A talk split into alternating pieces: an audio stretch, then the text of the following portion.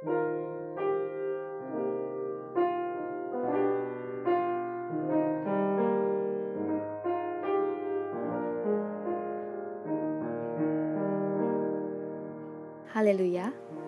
Pendengar yang terkasih dalam Tuhan Yesus, di mana pun Anda berada, damai dan sukacita menyertai kita semua. Renungan sauh bagi jiwa yang disajikan gereja Yesus sejati berjudul Hal Meminta Nasihat. Dalam nama Tuhan Yesus membacakan renungan firman Tuhan. Berbahagialah orang yang tidak berjalan menurut nasihat orang fasik. Mazmur pasal 1 ayat 1a. Setelah Yerobeam mendengar bahwa Rehabeam telah menjadi raja menggantikan Salomo, kembalilah dia dari Mesir dan datang menghadap Rehabeam. Yerobeam memohon agar Rehabeam mau meringankan tanggungan rakyat. Karena Rehabeam tidak dapat memutuskan, dia memanggil para penasihatnya. Para tua-tua menasihatkan untuk mengabulkan permohonan itu agar rakyat bisa setia dan berpihak kepada raja. Sedangkan orang-orang muda memberi nasihat yang sebaliknya. Bukan saja tidak memberikan keringanan, melainkan malah menambahkan dan memberikan hukuman yang lebih berat kepada mereka yang melawan. Rehabeam mendengarkan nasihat orang-orang muda itu, sehingga mengakibatkan terjadinya pemberontakan.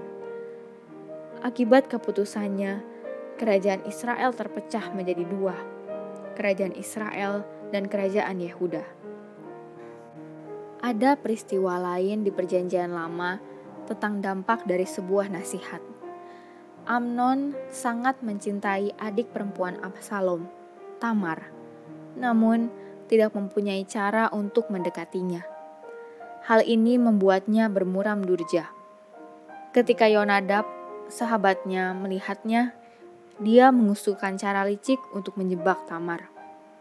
Siasatnya berhasil, namun akibatnya sungguh di luar dugaan.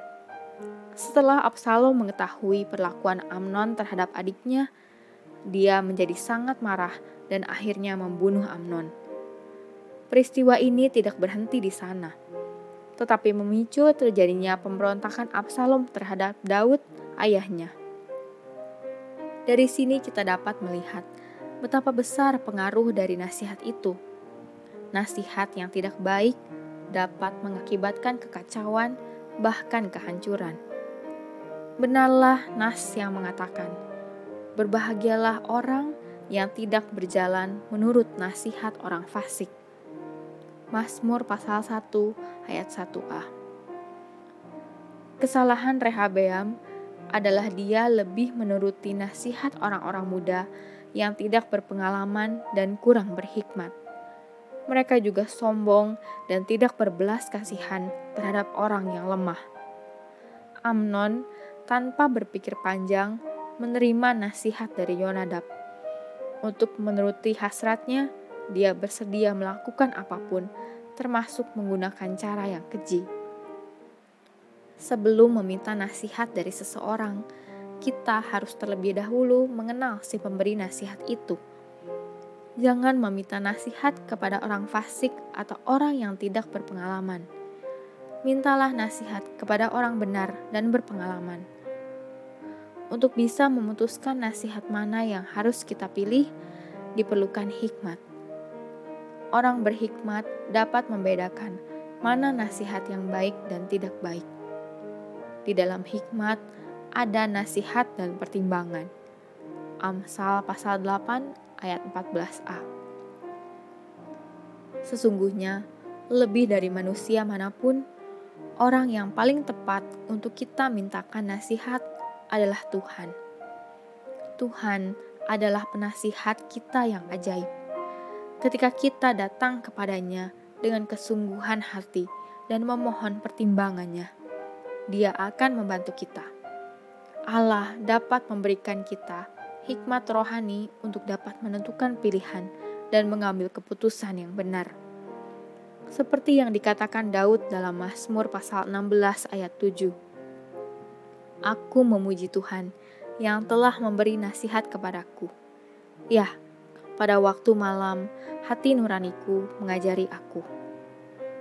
Daud senantiasa mencari jawaban dan bertanya kepada Tuhan ketika dia menghadapi jalan buntu atau musuh yang begitu kuat. Itulah sebabnya Daud dapat memenangkan banyak pertempuran dan mampu mengatasi masalahnya. Ketika kita menghadapi masalah atau pilihan, berpalinglah kepada Tuhan, cari dan mintalah nasihatnya nasihat dari orang-orang di sekitar kita dapat kita jadikan masukan atau bahan pertimbangan. Tetapi kita harus mengutamakan nasihat Tuhan daripada manusia. Tuhan Yesus menyertai kita semua. Amin.